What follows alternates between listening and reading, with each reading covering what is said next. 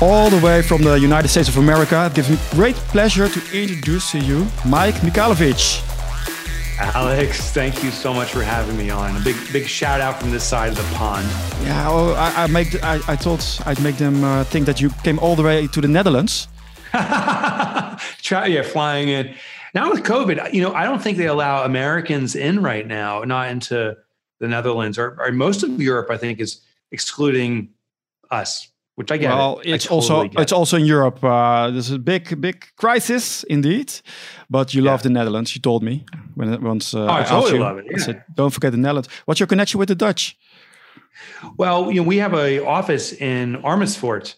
Um, Femke Hogema started First Professionals. So when I wrote that book, it got translated into Dutch. Femke was a co-translator on it, added some of the Dutch culture and uh, Dutch um, uh, legal elements to the book. And and uh, subsequently, I've been to Amsterdam uh, and other cities uh, in the Netherlands now. I think four times, three or four times. I've enjoyed more bitterballens than than any human should eat. It's like every time the American shows up, it's like give them a bitterballen; it'll change their lives. So it kind of does. It's pretty remark- remarkable. Yeah, it's really hot when you bite in it. You think, why, why? Oh, the I I burn my tongue. the pain. And Yeah. they say have some cheese that will fix it, and then they have a wedge of cheese.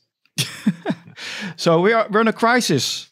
Mike, help us. All entrepreneurs are going bankrupt. Also in America, we have a lot of Yeah. bankrupt companies. Nobody knows what to do anymore. How to how do we fix this? we I think we start off by changing the label what's going on. You know, 2008 was called the Great Recession. I think 2020 is the Great Reinvention. I think that's the label got. And, and what that means is there's opportunity here. Now, the Great Reinvention is being triggered not by business, but by consumers. So customers have new expectations. Uh, you know, restaurants, I'll tell you, in, in Europe, restaurants are very different than the US. In the US, where I am, most restaurants are indoors because we're you know in very a cold climate in the winter and in europe you know you, in the middle of uh, amsterdam you go to the, the squares and it's all restaurants outside. That that's just not normal here but now that's becoming normal. So restaurants have to adjust. So customers are now expecting that. Well the beautiful thing is the lessons on how to do that successfully are in europe. So the innovative american restaurateurs are learning from the european ones how to implement it here and there's things coming into Europe that you haven't seen before, but they've happened here in the US or in Mexico or in Canada. And you can take the ideas from those entrepreneurs and translate it. That's what the great, great reinvention is. There's new expectations from consumers. Our job as small businesses is to adjust. I also feel that in every recession, every economic shift, the big businesses, Amazon or Google or Airbnb, whoever, whoever they are, those businesses are on the equivalent of tanker ships. There is a tsunami wave coming through of change, and they're on massive ships. They can't turn and jog around. They're just going to have to get rolled over or just kind of ride over the wave. But the small businesses, you and I, we're on jet skis. We can adjust. We can actually catch the momentum of that wave and take off. I am convinced that small business in this market will turn the market that there's going to be new companies that we don't know what their name is, we've never heard of them, that are going to be wildly successful in the next five years. They're going to blow the doors off of this economy and change everything. We still don't know who they are. But I also think we have a choice that could be us. We can say, I'm going to be that business, I'm going to adjust. And it all starts by listening for the customers, offering something that really caters to them, and then playing into that full out. But it sounds so simple. Where where do business owners go wrong? Because they're all all going bankrupt here. Yeah. Well, okay. Hopefully not they're all going bankrupt. Ah. So where we go wrong is thinking that everything is a, of equal importance. And I know we were talking about fix this next. That's actually why I wrote this book. I wrote this book to navigate crisis. Now, I didn't expect when I was writing this the COVID crisis. No one did. It's it's a what they call macroeconomic shift. But at all times, there's what's called microeconomic shift within our businesses. And microeconomic shift is where we're making money, losing money, and we keep adjusting around it. What's happening for most businesses is we rush to the apparent issues that are presenting themselves. And uh, there's a saying that circulates around in the entrepreneurial community that we prioritize the urgent over the important. And I think that's partially correct, but not fully correct. I actually don't think we as small business owners prioritize the urgent. We actually don't know what the urgent is.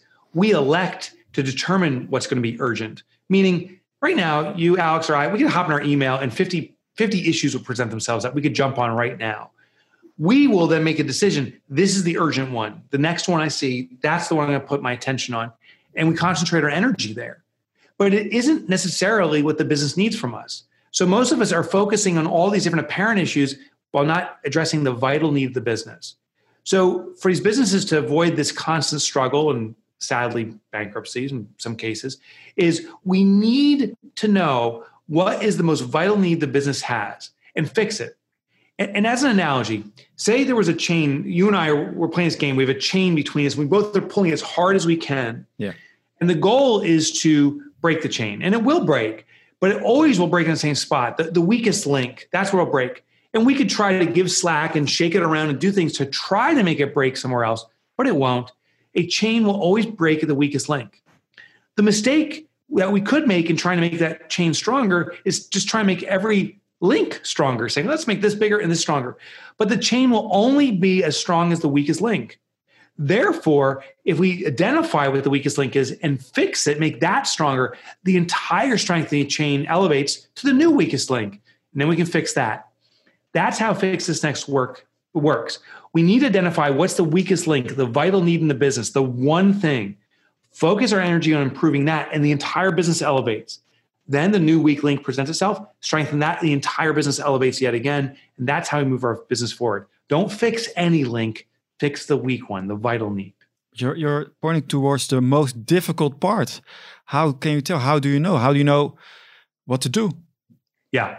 Because everything so, seems uh, everything seems urgent, right? Like you said, everything everything seems urgent. Or Clients, at least we make everything. Uh, back, my backbone, my, my employees. employees. I need more yeah. customers. Everything, everything.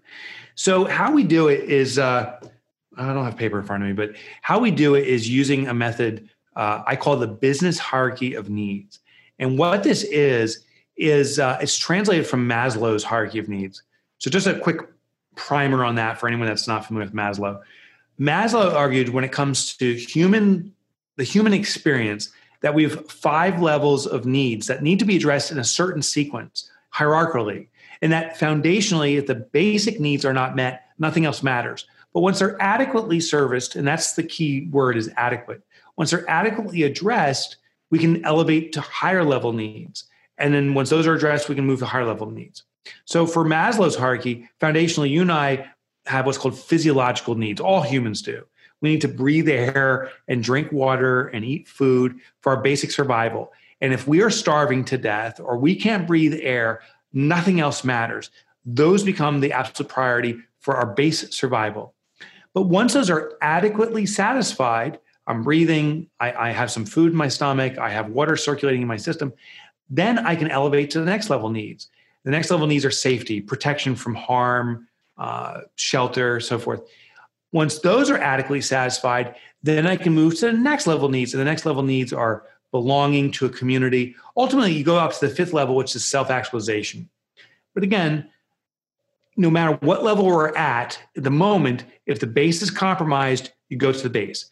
If right now we could say we're experiencing self actualization, you know, we're having a dialogue around business ideas, philosophy some people are listening in saying, "Oh, I'm, I'm, it's triggering ideas at a higher level for my business."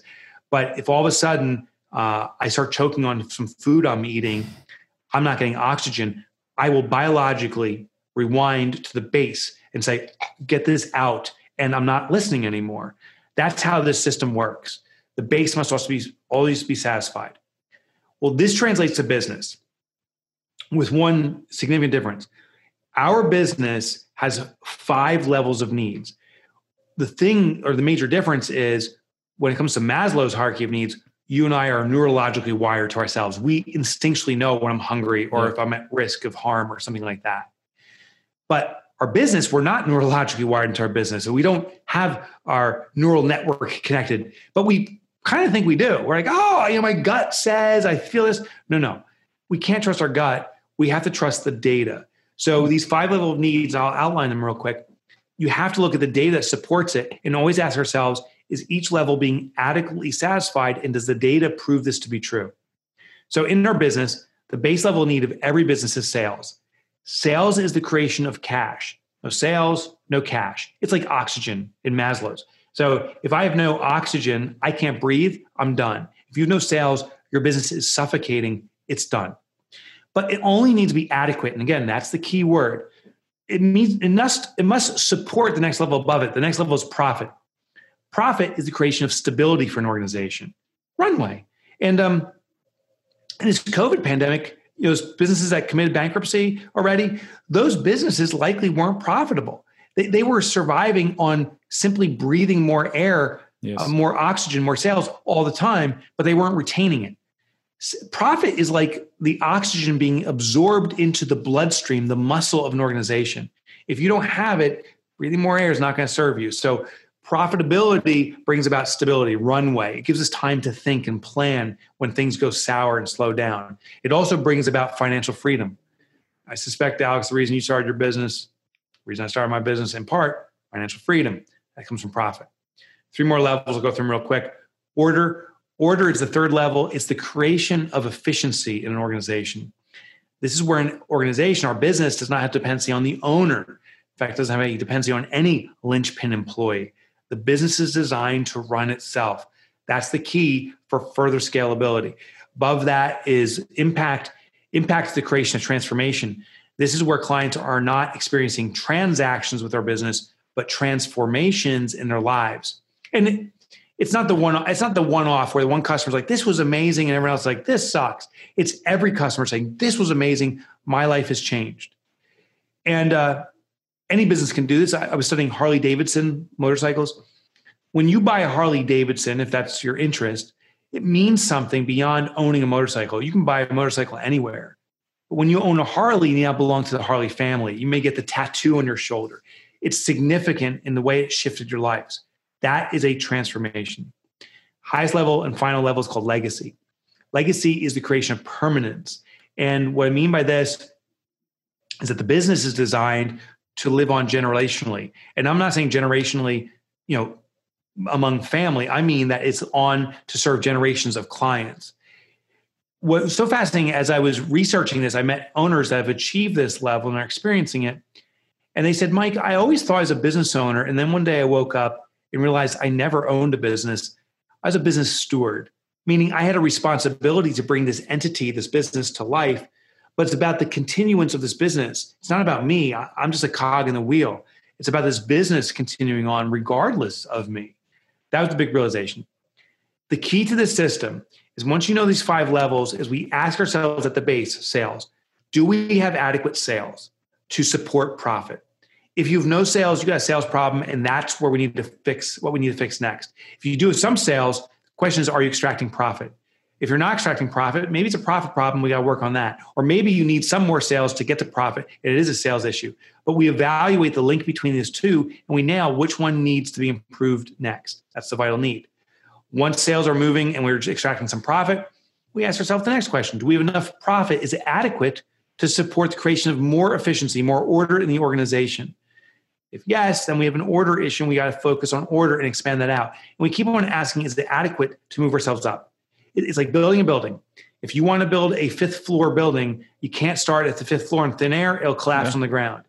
You must have the foundation place. But also, you don't put a, a skyscraper foundation and put a little tool shed above it because that will collapse in it.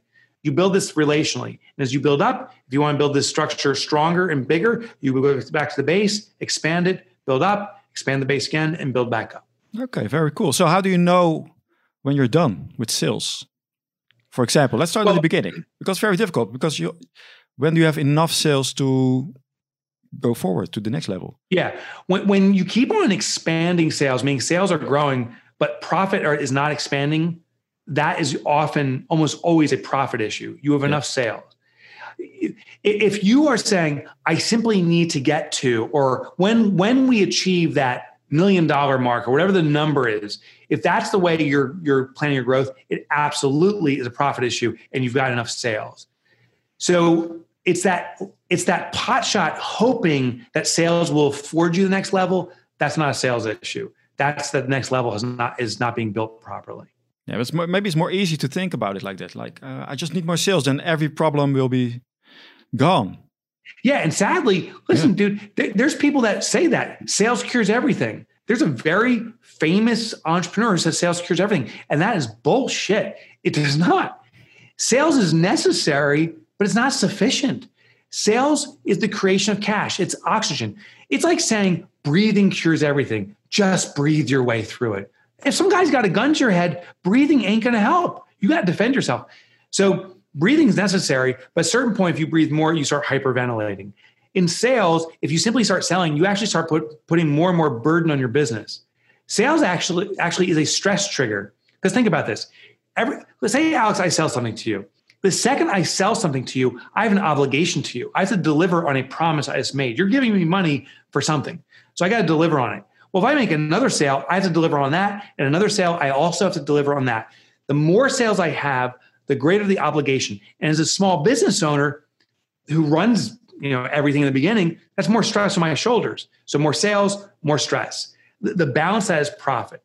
So you, you don't keep on selling, you sell, and if you're not extracting profit, we got to figure out why, and we've got to get that profit model figured out. Then we go back to sales and expand it, expand more profit. And then it's like, how do we become more efficient at this? And we start building our way up.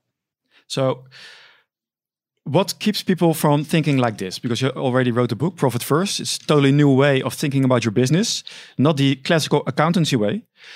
But how do you get? Yeah. Um, because it's it's a totally different mindset. Yeah. So it's yeah, very yeah. difficult. Yeah, profit. Yeah, of course I get profit if I make more sales. Do I have to just uh, lower the costs, be yeah. build better systems? Yeah, I'll tell you the root of it. You, you better get angry. Like you, you look at your history as an entrepreneur, and at a certain moment, that we need to say, this is not working and I will not do this anymore. You know, a, a business that's been trying to sell its way to success for years and is not working, there's a day we say, you know what? I am pissed that this is not working and I'm not going to try to sell more because I've proven over yeah. the years now selling more is not working. And that's when we commit to something new. There's got to be this turning moment.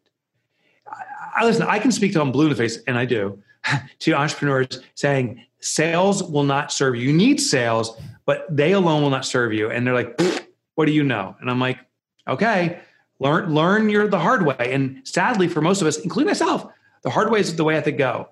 But I think we just got to put a time frame on it. The way you're doing it right now, if you are devoted to it, how much longer? And if it doesn't serve you, if you don't live the life financially free like you intended, if you don't have the freedom to do what you want when you want, When's the day you're going to say, this is enough of doing it the wrong way? A year from now? Six months from now? Write that date in the calendar and say, if things are exactly the same, if I haven't made magnificent progress in my business, I commit to changing. And then hold yourself accountable to it. I think that's the only way to do it is to have this come to Jesus moment. the great way to put it, indeed. Give yourself a time frame because otherwise you'll be stubborn forever yeah. And then you can now you yeah. can argue with yourself. I told myself I could fix it, but it doesn't work. Yeah, and it's easy to do it just one more day. Yeah. Actually, it's very comfortable. It's very comfortable to say, you know what? I heard profit first, fix this next wonderful. Just listen, I've been doing this for so long. Give me I'm gonna do one more day. It's very easy to continue that because it's a pattern we know. Yeah. It may not serve us, it may suck, but it's comfortable because we we know it. And therefore we repeat. Most business owners are in the hustle and grind mentality I effing hate those words. They are the worst words on the planet. And I wish that wasn't promoted. But sadly, some entrepreneurs say you got hustle and grind. Hustle and grind to, means uh, look, look very, you keep getting looking worse and grinding, hustling every day, work 16 hours because that's the life of an entrepreneur. Yeah, that's and that's totally that's total bullshit. Yeah. The, the definition of entrepreneur is someone who has a vision and then takes the risk of choreographing resources and technology and people to make that vision a reality. We are the organizers, not the doers. Doers are employees. And and listen, doing is great. I'm not saying it's not noble. I think doing is fantastic. But you either do it or you design it. And you don't do both. If we design it, we empower people that want to do work to do work. In fact, I would say the job of an entrepreneur is to provide jobs. And shame on the entrepreneurs that hustle and grind their way to getting stuff done because you're stealing jobs from people who actually want to do work. So, our job is to define the outcomes and make that a reality. And if you are hustle and grinding, yeah, hustle and grind put put a limit on that of time and and and draw that as a line in the sand, saying if I, six more months of hustle and grind, if it doesn't drive the results I want, I will acknowledge to myself this ain't working for me, and I will make the change. It's so nice to feel like you're struggling, like you're the underdog, doing lots of oh, work oh, yeah, and grinding. yeah, yeah, makes yeah, me feel it's good. Martyrdom. Yeah, yeah. It's very, it's wonderful to to get say I'm getting beat up and beat up and beat up, but uh, there's a certain point where you're just getting stepped on, and um, there is no pride in that. There is no there's be, you know, I remember listening to a um, this woman Suze Orman. She's a, a, financial guru here out of the U.S. and she she said once, uh, "I'll I'll tell you how to be rich." And she goes, I'll, I'll, I'll share it in, in two sentences. And if you do this, she goes, you'll be permanently rich. So I was very intrigued. She goes, the day you put more significance in how much you save than how much you spend is the day you'll become rich. And I was like, that's that's it. The day I change my identity of what significance is, is the day I will become that. Right now, entrepreneurs, many put significance, their identity in hustle and grind in yes. sacrifice, yeah. in not making money. The day we say that's bullshit, and I commit to uh, cr- being a creator of jobs, I commit to having financial freedom for myself, therefore being able to provide it to others. The day that becomes your identity is the day you really become a true definition of an entrepreneur. Yeah, because uh, many entrepreneurs get their uh, not I forgot about the word, but they, their self worth from doing the hard work. Look, I'm grinding, and that's how they feel better about themselves. But like totally. you said, or like the woman said, put the significance on other stuff. Totally. Put your self worth on this. Yeah. There was there was a uh, I thought it was damaging. There was a, an article came out about Elon Musk uh, a few years back, which I, I Elon Musk is impressive because you know, Elon Musk is not building the Tesla. He's not building the cars. He's not building rocket ships. He's organizing. Yeah. The one thing I didn't like though is an article came out and there was a he said that he missed his own brother's wedding uh, so he could work longer. And there was this period where he didn't leave his office. I think for seven consecutive days he was just sleeping there. And uh, I saw people saying, "Yeah, go entrepreneur." And I was like, "Shame on him, man." To, to to perpetuate that mythology yeah. that you got to work like that that's abnormal that's that's weirdoism and that's really unhealthy. I wonder how his brother-in-law feels about Elon Musk, you know, missing the wedding.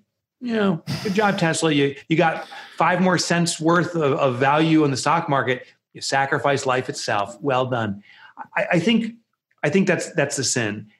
I also I don't know Elon Musk's story, so I don't think that's his normal, um, or, or maybe it is, but I don't think that should be what we aspire to. There's there's so many entrepreneurs who who don't do the work. They're designing the outcomes. I'm not necessarily a fan or not a fan of uh, richard branson but I've seen a story from the outside. He spends most of his time vacationing uh, enjoying life as the businesses grow but he also in those times is, is innovating and creating that's why he has hundreds of businesses i think we got to be very selective of our role models too yeah, that's true. Because he, uh, indeed, Elon Musk in interviews, I always hear him say, if they ask him, how do you do this? Well, yeah, I work 12, 14, 16 hours a day. So I'm quicker than yeah. other people. But it's detrimental to your health. But right now, people are in crisis. I, I talked about this many yeah. times. If you're in crisis, your, uh, your, your stress levels rise and you're like, oh, I need to make money, need to make money. Oh, totally. How yeah. can we step Listen, back? Yeah, yeah, I am saying like like there's times that you're needed to do things. Like like like if someone like took a knife and just ran it down your arm, I'm not saying oh just let it bleed through, you'll be fine. No, you got to take care of their triage is needed. We better address that because it will kill you. If you can't put food on the table, yeah. do things to put food on the table. And if it means working a second job or third job, freaking do it. I, I am not saying that. I am just saying we have to be clear on the definition of entrepreneurship for the long term vision to be true. And there will be periods, maybe a few months, that you got to really push it and you got to carry it. And maybe it's a year. But if that becomes the norm for the business growth, that's abnormal. If if the only way the business can grow is by you putting in more hours and working longer, that is not a sustainable model. No. And I'll tell you the ultimate sin, that's not a sellable business. the more the business is dependent on your hustle and grind, the less saleable it is. Because the second you're gone, the business is gone. Yeah. The second you leave, it's leave. I can't speak for Tesla. It's a pretty big business, but I would even argue that the value of Tesla for someone else to acquire is reduced because of its extreme dependency on Elon Musk. If Elon leaves, is Tesla in jeopardy? I think a buyer investor would think about that. But let's bring it to a small business. Then it's absolute. If a business is like five or six employees and the business owner is working 16 hours a day, if the business owner leaves, that, that's a huge part of the business. That business is in jeopardy. So the value for an acquirer is, is nothing, it's valueless. So the greatest irony is this if the business needs you, it ain't worth anything. If the business doesn't need you, that's called turnkey you can sell that for a premium because the business, the new business acquirer knows it's going to keep humming along. They're going to put a lot of money into that. What, what about all the smaller businesses like the freelancers who uh, just they they love their craft and want to do that, so they want to work. Is there a way for them to design their business like it's a real business? They could if they want to. I mean, it's a choice. So a freelancer, it's a it's a it's a job with a little blue ribbon. It, it, you still have a job. Your boss is the clients, yeah. um, but it's dependent upon you. So it, it's a job. And, and, listen, that's awesome. I respect. If that's what you so desire, that's wonderful. Just realize a freelance job is not sellable. You may be able to go to another freelancer and say, "Listen, I got 20 clients. I'm retiring. I want to serve them anymore. Do you want to share in some of the proceeds of these clients?" And I'll just hand them to you. So there's some value in that by handing over the boss. But if you want to have a scalable business, if that's what you so truly desire, it's actually extracting you from doing the work. How do you get other people to do the work? Etsy is a great example. Etsy, uh, whoever started that, I don't know who started it, but they said, I don't want to do the freelancer work, but I'm going to give this uh, the freelancers out there a way to market themselves. I'll be the marketing arm. And now they serve freelancers and they grew this massive business extremely valuable. They became the platform. So we can make that choice as a freelancer, but it is a choice. And, and there's no wrong answer here. Going against what your heart desires, maybe that's the wrong answer. To say, I have to grow a business because that's what I've been told to do, and you hate it every step of the way, don't do that.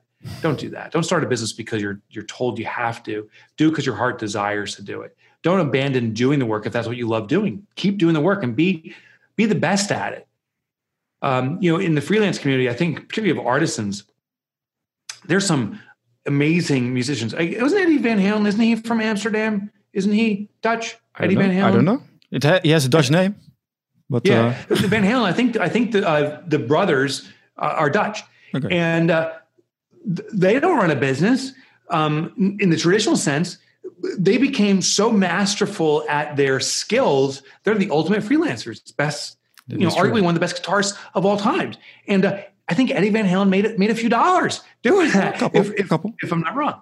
Yeah. So you can be you can be wealthy by being masterful at a skill, or you can build a business that attracts the masters and and collects them to uh, you know to do uh, things together, and and you can make a lot of money that way too. Both are a choice. I choose the entrepreneurial path. Be aware that, that that it's a choice. Don't think that because you're you're a freelancer that you're an entrepreneur. Because you're, you're called an entrepreneur, but basically, if you don't work, you don't get paid. So it's just a job with more more bosses.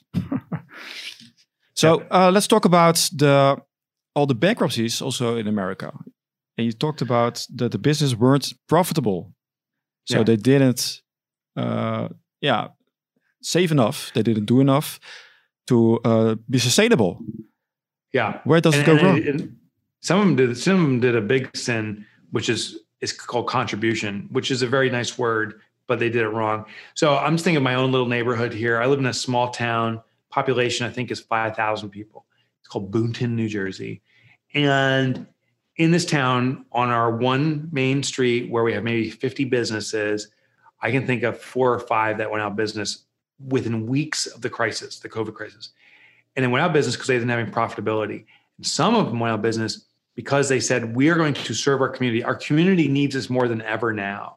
So we're going to give things away for free. We're going to discount prices, do whatever it is to serve the community. And two weeks later, they were out of business. And some people said, "Wow, how noble of them to be of service." And I'm like, "How sinful! Shame on them for not being around today." Because yeah. we we as consumers need them not for two weeks, we need them for two months, two years, two decades. They should still be around. And they cut their nose off to spite their face. They said we're going to give away to give to the community, but it wasn't in a sustainable way. We have a responsibility for profitability. And when, when businesses declare bankruptcy, inevitably it's because they didn't set up a profit system, that, that they did something wrong in that facet. And I think that's a shame, a shameful sin because they can't be of service to their community. So bankruptcies are happening. On the, on the flip side, I see a lot of new businesses starting up because people got fired from bigger businesses and they have no choice. They need yeah. to make money. So they're trying entrepreneurship. So they're thrust into it. I don't care how you got into entrepreneurship and I don't care what the status of your business is right now. If you don't start focusing on profit and making it a habit uh, starting immediately, you're putting yourself in jeopardy. And it's also of disservice to your employees. It's also of disservice to your community, to, to your state or country, to, to our global world. Every business that fails uh, is affecting the global economy in a, in a small way. So it needs to stop. And, and, and it stops at the business owner level. We focus on profit, we put a profit system in place. We make sure every transaction is profitable. And that's the ultimate way to be of service to our clients. Actually, I would argue your clients, Alex, and my clients, they want us to be profitable, like wildly profitable. Now, here's the thing they'll never say, Hey, can you charge me more for what you're doing? Hey, could you double the prices? I'd really appreciate that. Of course not. But here's what they will say I want your full undivided attention. I want you, when, when I'm your client, I want you caring for me. I want you treating me like I'm your number one client. I don't want you distracted. You know, the only way not to be distracted is by being profitable. If you're not making enough money in this client, we're worried about getting the next client. I can't focus my attention. I'm worried about how I'm going to put food on the table. There's no sustainability there. But if you're truly profitable, you can devote your full attention to that client and to that moment and to being of service. That so when you're profitable, you're responsible and you're caring for your clients. That's why we need to do it. I Our want my doctor to earn a lot of money. I don't want him worrying yeah. about anything while he's operating. Could you me. imagine your doctor? Yeah. He's about to cut into your skull and he's like, oh God, I need money so badly. That's the last words you hear before he does the cut. I need another patient so badly. I don't want to be under the knife then. Yeah. I want the doctor saying, okay, here's what we're going to do. They don't have to worry about a penny. His Mercedes is waiting outside. I want him to be comfortable and happy. And I want him to be able to do work with precision and without distraction. That's what I want. Yeah, don't, don't work so many hours. Take a vacation. Yeah, yeah. be well, well rested. Yeah, that's true. Get a good night's sleep before you do the surgery. And this is we're, we're all surgeons in that regard. We're all providing some service of benefit to our clients. They want us rested, prepared, and focused. Yeah. So where do entrepreneurs go wrong? Because we have all kinds of entrepreneurs. We have uh, um, they provide services or products. Do you have a, some sort of a system that you know, like this is a lot of uh, entrepreneurs go wrong in this piece of it? That's right, they're still too busy. Yeah. So the profit. number one, the number one thing is they try to go broad and deep at the same time. Hmm. Like we're going to serve so many different clients in so many ways, and it's going to be amazing in every way. It's the broad and deep. I've never, ever, ever seen a single business that does millions of things really deeply, uh, extremely well, and be successful from the get go. Small business has to do a stepped approach. The, the, the shame is we see the big businesses. Well, look at Elon Musk, as we talked about. He's got spaceships and, and things that go underground and cars. Clearly, you can do everything and be amazing at it. You got to start in one category. I think he started with PayPal or something and dominate it and, and you can build upon that. So we have a choice to make either be broad or be deep, but be one. Deep means be the brain surgeon, get so skilled at what you do, and you do it so effectively that the world seeks you out and says, You're the world's best, I want you. Or go broad, pick your community. I serve musicians and um, I serve all musicians in helping them become profitable. That's broad. All musicians become profitable. But I'm not meeting with each musician. I'm not coaching them through everything. I'm just giving them systems and tools. That's broad. But once you dominate the one space, you're known in, by all musicians, or you're the world's best brain surgeon, then you can take step two and do the next move. So if I go deep in brain surgery, once I'm the world's best, then I can go broad. In fact, uh, there's a guy named Dr. Oz. I don't know if he's popular where you are, but well, yeah, you heard of him? Yeah, yeah. Dr. Oz did not start by being a media mogul. He became a cardiovascular surgeon, was excellent what he did, built a reputation. Then he positioned it to go broad, got on Oprah, started his own TV show. Deep, broad. Other people go broad and then deep. Think about um, athletes and stuff. Some athletes get r- really popular and they have a, hu- a, huge number of fans. Mike Tyson, huge number of fans that know his name, um, and he's touched them at a very low level. I, have never met Mike Tyson, but I, I know him. He's had a broad uh, impact. Conversely, Dr. Oz, he, he, there's some people that he's saved their lives through cardiovascular surgery. He went deep. Well, Mike Tyson now has the opportunity to go very deep. He has all these established relationships. He could start a boxing program if you want to be an elite boxer or something like that and go deep. I'm not saying it's his choice, but it's always a stepped process. I picked big names because we recognize them. And Mike Tyson is selling weed right now. So is he is he selling weed really? Yeah, it's a big weed farm. He's there got a go. podcast, Smart, Hot Boxing with uh, Mike Tyson. So he went uh, no the idea. chill. Yeah, he went the chill uh, way yeah, so he's leveraging. Yeah, but you know we're mi- we're micro businesses. We are not recognized like those names. I just use those names because we recognize them. But when we come to our businesses, pick a category, dominate the broad or dominate the the, the deep. Then once you've and only once you've mastered it, do you do the next step of going broad or deep. You know the reverse angle, and that's how you get to the ultimate dominance of an industry. Two steps, not one. You talked about being the best, right? But it's one thing to be the best brain surgeon yeah. but you might not be the most popular brain surgeon. So how right. do you get the the world to recognize you as the expert, as the best, as the authority? Well, first of all, uh, there's two ways. One is by actually just doing the absolute best for each customer you have, and and your reputation will precede you. Particularly today's environment, things move like wildfire. You know, with with all the different ways we can communicate, the word on excellent gets out. If you have an excellent restaurant, um, you can be flooded within a day if Yelp or someone on TikTok starts promoting you saying this place is it. So your reputation precedes you at lightning speed now. That's one way to do it. Second is through through marketing. You know, get the word out deliberately. When when the customer says to me, uh, "Hey, Mike, you know, we grow our business by word of mouth," and they brag about that, I get a little little bad taste in my mouth. I'm like, "Ooh, that means you have no control over your marketing." word of mouth is great, it's excellent, but it depends on that customer, someone actively doing something on your behalf. If, if they decide not to do it, what are you going to do? So we also need to take control of our marketing and throttle it. Do some unique marketing around uh, around our work to get the word out. So that that surgeon who's really good at what they do, why not start doing a series of YouTube videos explaining the the right way to do brain surgery and really get into the elements to demonstrate your expertise. Now you're starting to proactively market yourself. And I'm not even saying that's a good example of how to do it, but we have to. And you get to have people who want to do it themselves. Don't do that. Disclaimer. Yeah. Only if yeah, you're a surgeon. That'd be funny, actually. Yeah. I watch all the YouTube videos, but yeah. okay, so uh, but people need to get out there your marketing is getting the word out, getting all the eyeballs on you. Yeah, a lot of people are afraid of that. Also in, in Holland, I talked about this with uh, one of the, my other guests. Uh, the Dutch really want undersell themselves because if you're in Holland and you say, I'm awesome, they're afraid to get the reaction. Oh, yeah. So listen, I know I always feel like a weirdo. The American comes over there and everyone's like, oh, here's the American. It's so American. and proud. Yeah. And, um, but that's the opportunity. So I'm I'm working on a new book. It's coming out next year, but I'm, I'm researching it, and it's called "Different Is Better." And what I realized is that when it comes to marketing, the biggest factor that determines success of marketing is doing something that's different. In fact, replicating the competition, like you know, everyone does email blasts. I'm going to do email blast. It likely will be the least effective tool because it's it's common white noise. Yep. The customer's used to it, like, oh, everyone sends emails, so get deleted.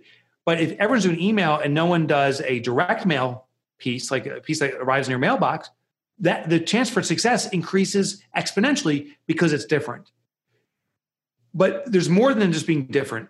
It must also be attractive. So you could do something that's different and customers will notice, but it could also repel them. So if listen, I could be an attorney and I walk into the courtroom and I say, you know what, I really want to make sure the jury notices me. I'm going to wear a clown costume and come, you know, waka waka, come walking in. The jury will notice it's different. you won the different game. You are the most different attorney ever, but it is not attractive. People are like, who's this? Who's this clown? Literally and figuratively, who's this clown? You're not going to win your case. So you got to then be attractive. Something that says, oh, I get it. That's what I like. So that's what we have to do be different, yet be attractive, and then direct those customers to take the action we desire.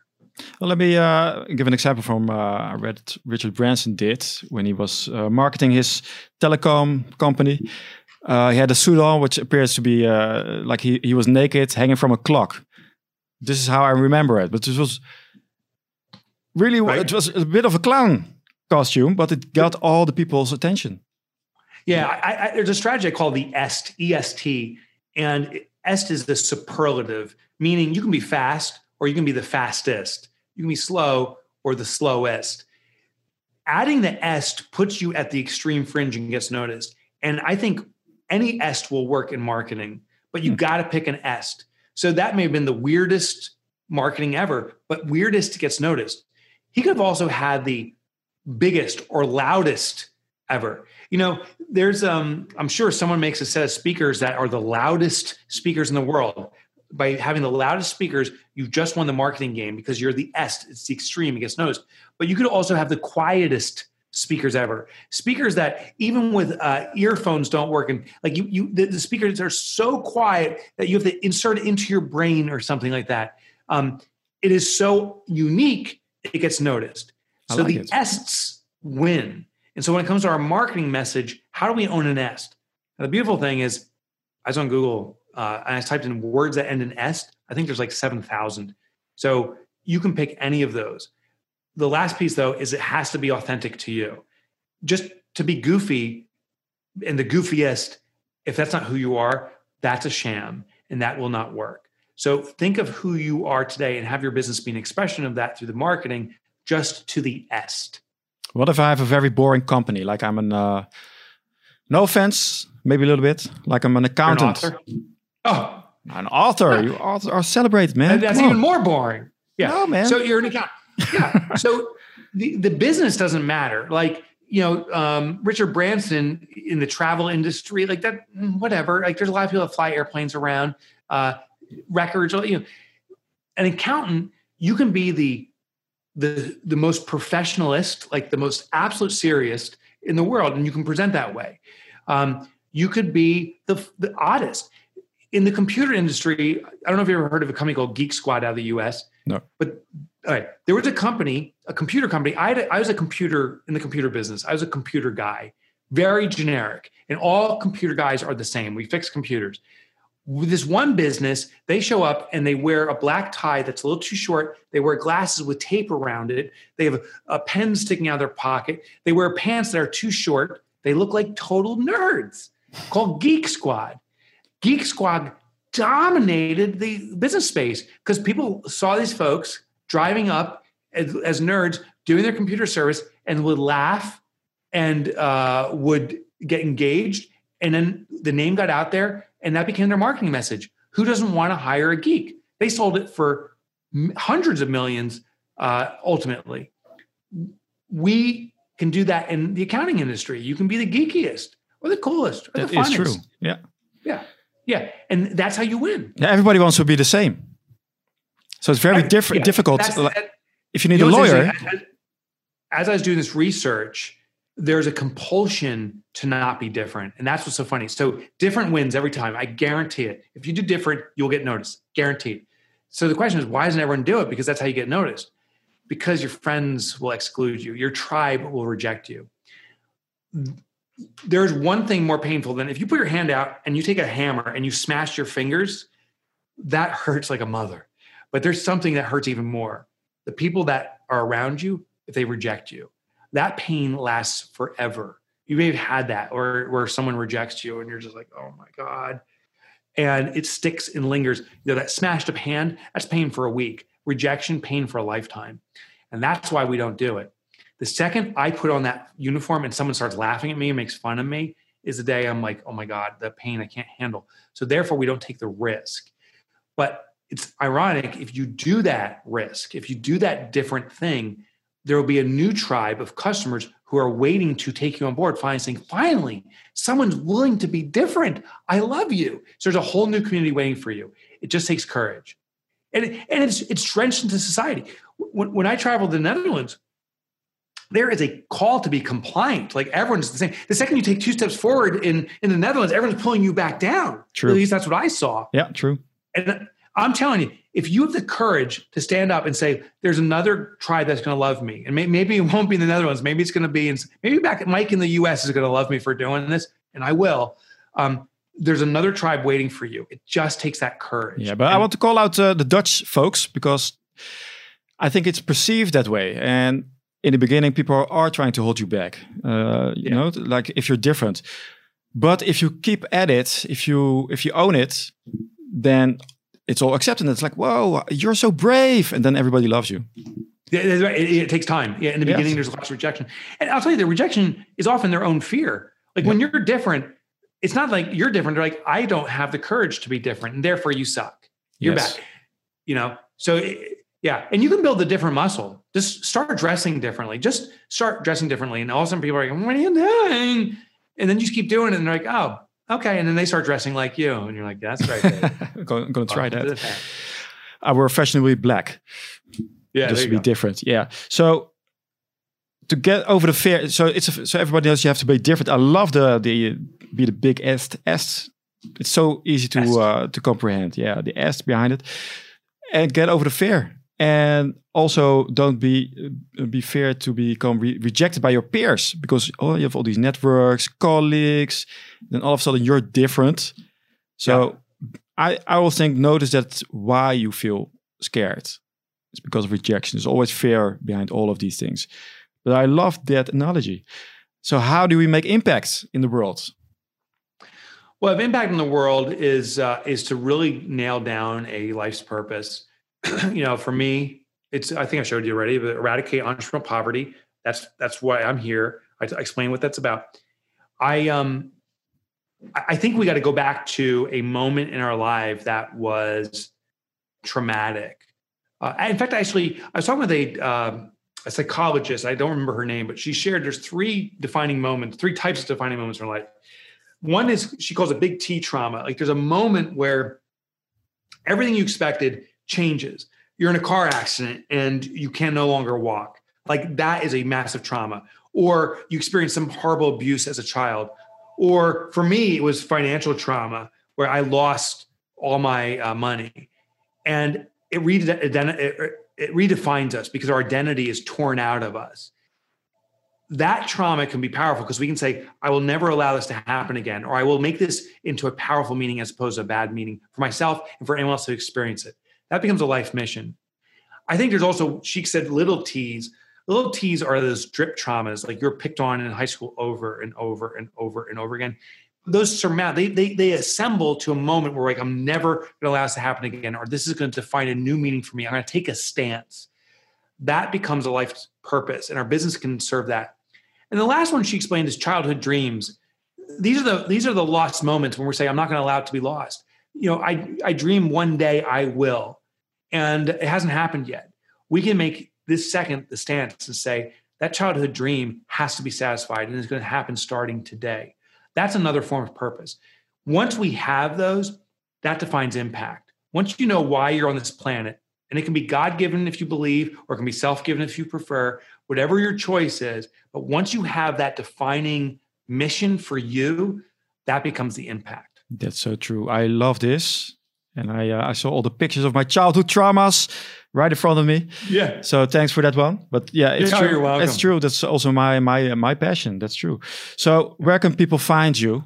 And you have a lot of free tools available. You have a lot of books. You have a lot of YouTube content. Where do where yeah, do I think go? the best way uh, is to right now is to go to fixthisnext.com. And uh, the reason I'm saying this is free tools, free, free, free. But the most important thing is I have the evaluation to find what your business needs from you online now. And it, it is free too. You can evaluate your business. It'll take less than five minutes and we'll pinpoint the exact specific thing your business is starving for you to fix. And if you fix it, you'll move your business forward. So that's the best tool I can give you right now. Fixthisnext.com. Yeah. And of course, I'll make sure everybody has the correct URL. So, Mike, I, I love the message, the impact message, the uh, what you're trying to do in the world, and uh, yeah, this, I was very awesome conversation. I love this. Thank you. Thank you for doing this. I, I enjoyed it very much too. Thanks for having me, Alex. Yeah.